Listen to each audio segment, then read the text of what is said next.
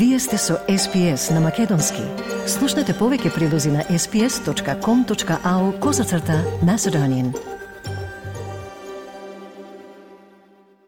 Во денешниот билтен покренати нови обвиненија за смртоносниот напад врз домородниот тинејџер Касиус Торвеј. Партијата Алијанса на албанците утре ќе одлучува дали ќе влезе во владината коалиција во Македонија. Штајкови во Франција поради предлогот за зголемување на старосната граница за пензионирање.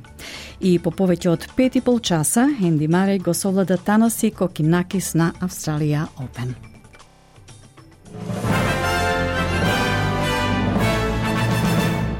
Тројца обвинети денеска се пред суд во Перт во врска со наводниот напад врз домородниот тинејџер Касио Стервеј минатата година. Полицијата вчера подигна обвиненија против двајца мажи и една жена во нивните 20 години, бидејќи наводно биле присутни за време на нападот. 21 годишниот Джек Стив Джеймс Брерли веќе се соочува со обвинение за убиство поради смртта на 15 годишниот Касио Стерви и останува во притвор. Националното тело за надзор на медиумите ќе добие посилни овластувања за сузбивање на ширењето на дезинформации на интернет. Австралиската управа за комуникации и медиуми ќе содаде применлив индустријски кодекс кој ќе го замени сегашниот доброволен кодекс. Сојузната министерка за комуникации Мишел Роланд изјави за ABC дека за технолошките гиганти како што е Твитер потребно е нешто посилно од доброволен кодекс со цел да се одржи безбедноста на корисниците. Таа вели дека телото ќе може да создава нови стандарди, како и да издава казни за компаниите кои ќе ги прекршат правилата. The ACMA will have the ability to devise uh, new standards and to enforce those and to have penalties as well. So, this is certainly not a novel framework. It is a co regulatory structure that is well established in Australia and has served consumers well. Според нови извештај на Комисијата за продуктивност и зголеменото финансирање, не влие значително врз писменоста и математиката на австралиските студенти. Прегледот на Националниот договор за реформи во училиштата покажува дека 90.000 ученици не успеале да ги исполнат минималните барања на Националната програма за оценување на писменоста и математиката, односно наплан, годишно. Учениците од првите нации исто така имаат три пати поголема веројатност да заостанат на училиштата училиште, како и децата со родители со пониско ниво на образование. Австралиското медицинско здружение повикува на данок на сладки пијалоци, бидејќи како што вели, пристапот на Австралија е во спротивност со пристапот на другите земји. Подпредседателката на Сдруженијето Даниел Макмален вели дека сојузната влада може да воведе данок од 40 центи за секој 100 грама шекер што се додаваат во пијалоците. Сдруженијето проценува дека со воведување на мерката во Австралија би имало помалку случаи на диабетес тип 2 и на мозочен удар, како и намалување на срцевите заболувања. Господица Мекмален вели дека данокот ќе генерира и годишен приход од над 800 милиони долари, што ќе може да се финансира, со што ќе може да се финансира превентивни здравствени иницијативи. Три лица се обвинети за прикажување нацистички символи во Квинсленд. Мажите се обвинети откако во посебни рации на три имоти во Бризбен наводно биле пронајдени и запленети расистички и неонацистички транспаренти, лепенки и проспекти.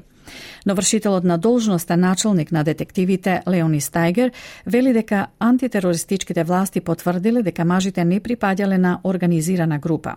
Таа нагласи дека информациите кои ги примеле од јавноста биле клучни за истрагата. Information from members of the public was crucial in the extensive investigation, and we think we thank everyone who reported the material and these behaviours to police. We're talking about um, two separate matters, I guess it's best to explain. So they, all three persons weren't linked. Активисти со боја ја испрскале една од најпознатите австралиски слики во знак на протест против наводното уништување на карпеста уметност од страна на компанија за газ во северниот дел на Западна Австралија.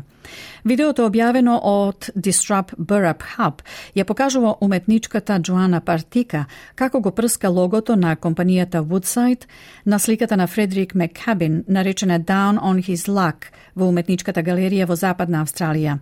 Потоа се гледа како таа ја залепува незината рака над зидот, покрај ремек делото додека Дезмон Блуртон, припадник на народот Нунгар, поставува знаме на абориджините на подот од галеријата.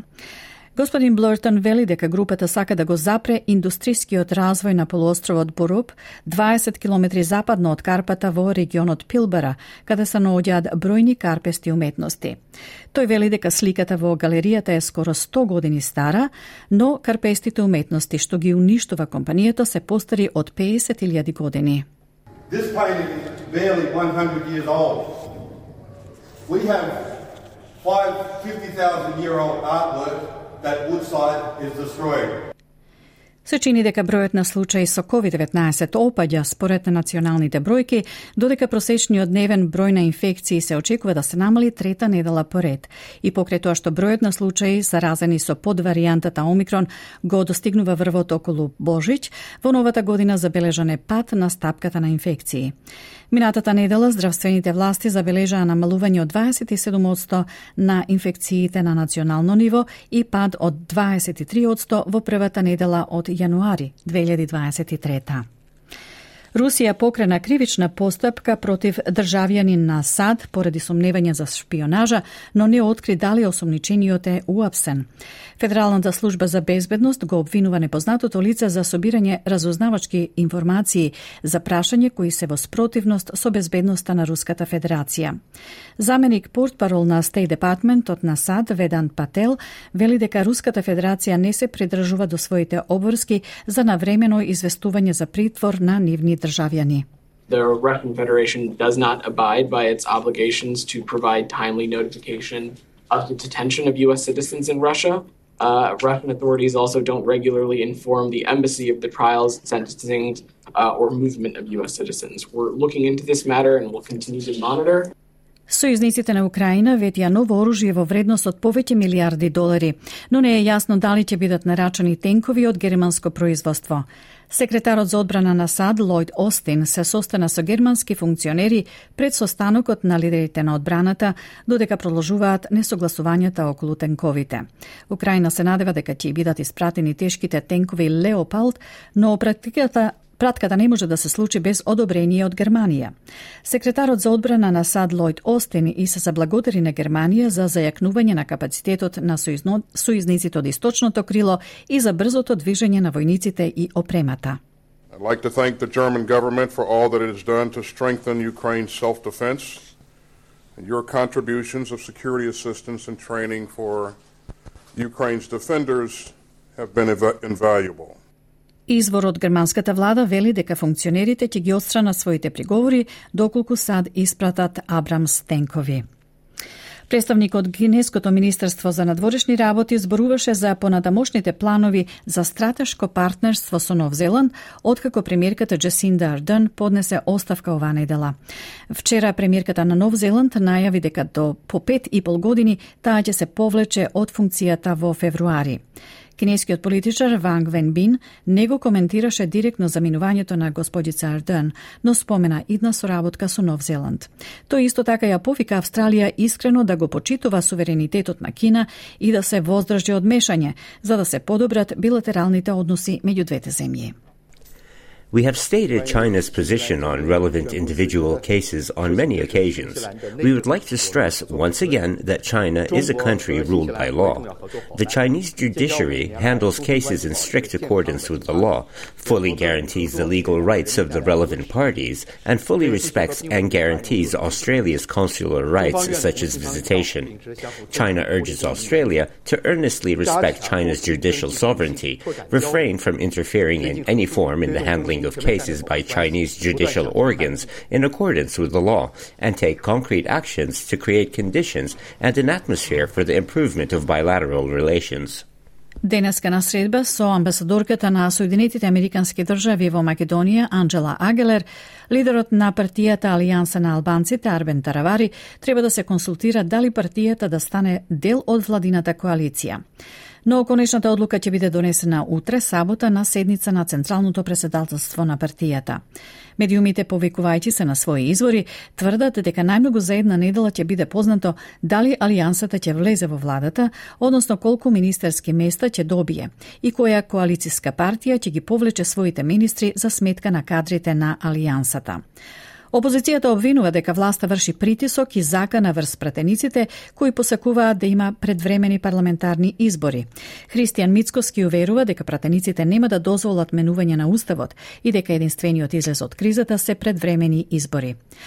Социјалдемократскиот сојуз за Македонија пак во своја реакција вели дека нема никакви притисоци кон никого и дека нема да има распуштање на собранието.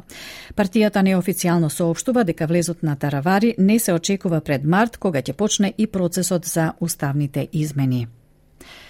Повеќе од 1 милион луѓе учествуваа на демонстрации ширум Франција против плановите на владата да ја зголеми старосната граница за пензионирање.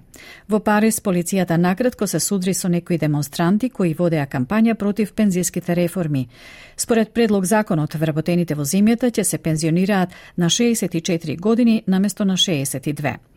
61 годишната Силси Луба, која работи во градинка, вели дека ќе биде физички невозможно да продолжи со својата работа уште две години. I want them to withdraw the new retirement age. It's not acceptable at all. Two additional years, that's really not possible. I work in a kindergarten, and the working conditions are worse and worse, and two more years, that's not possible. Physically, no.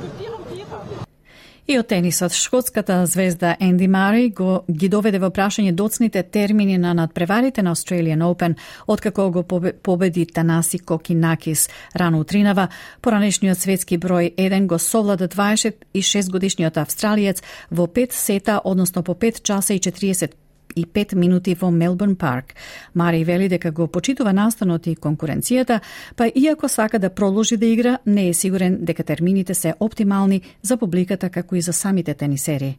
I don't know who it's beneficial for. It's like a match like that, you know, yeah, we come here after the match and that's what the discussion is. And rather than it being like epic Murray Kokonakis match, it's like, you know, it ends in a bit of a, you know, a bit of a farce.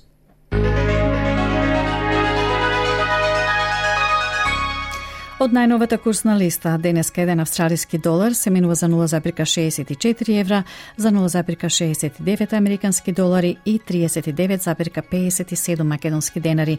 Додека еден американски долар се минува за 56,6 македонски денари, а едно евро за 61,18 македонски денари.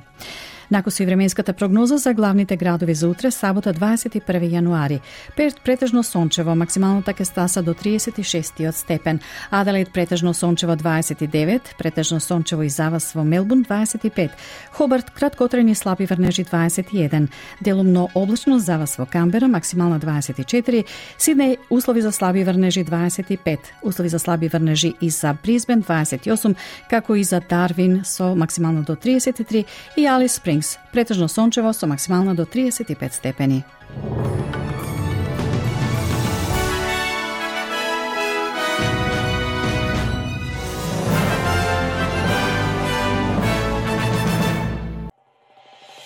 Сакате ли да чуете повеќе прилози како овој?